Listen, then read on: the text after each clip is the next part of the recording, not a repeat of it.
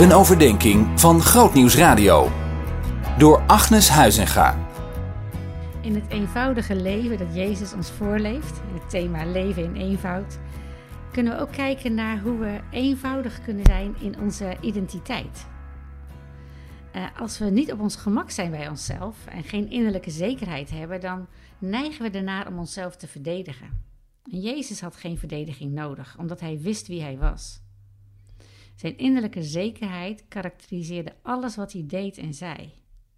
En dat is eigenlijk best opmerkelijk als je bedenkt dat hij in zo'n klein dorpje opgegroeid is, waar het vast bekend was dat hij een zogenaamd buitenechtelijk kind was. Het zou best kunnen dat hij daarmee geplaagd is als jochie. En toch wist hij al vroeg wie zijn echte vader was. Als hij twaalf jaar is en in de tempel blijft, dan vraagt zijn moeder: Kind, wat heb je ons aangedaan? Je vader en ik hebben met angst in het hart naar je gezocht. En dan keert Jezus het om. Hij zegt: mam, wist u niet dat ik in het huis van mijn vader moest zijn? zijn ouders hadden hem vast verteld van de bijzondere manier waarop Maria zwanger was geworden. En, en zo is Jezus vroeg bewust geworden van zijn afkomst en identiteit.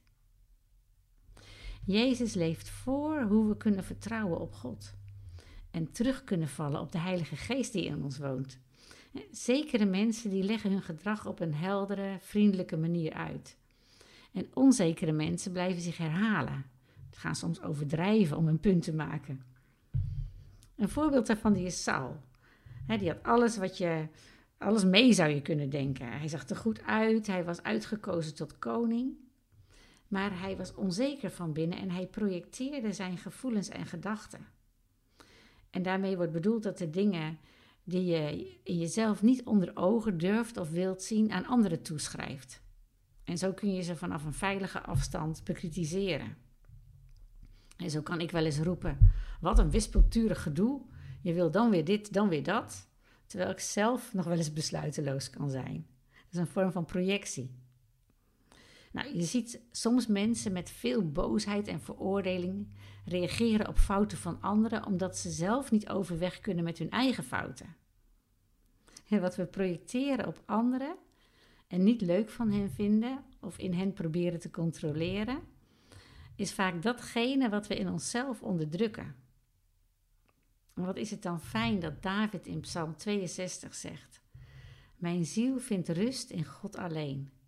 Mijn redding komt van Hem.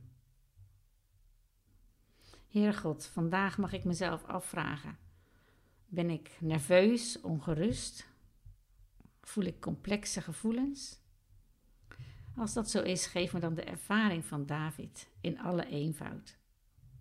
Alleen bij God vindt mijn ziel rust. Amen. Zien in nog een podcast? Luister naar Bij Jorike, de podcast via grootnieuwsradio.nl slash podcast.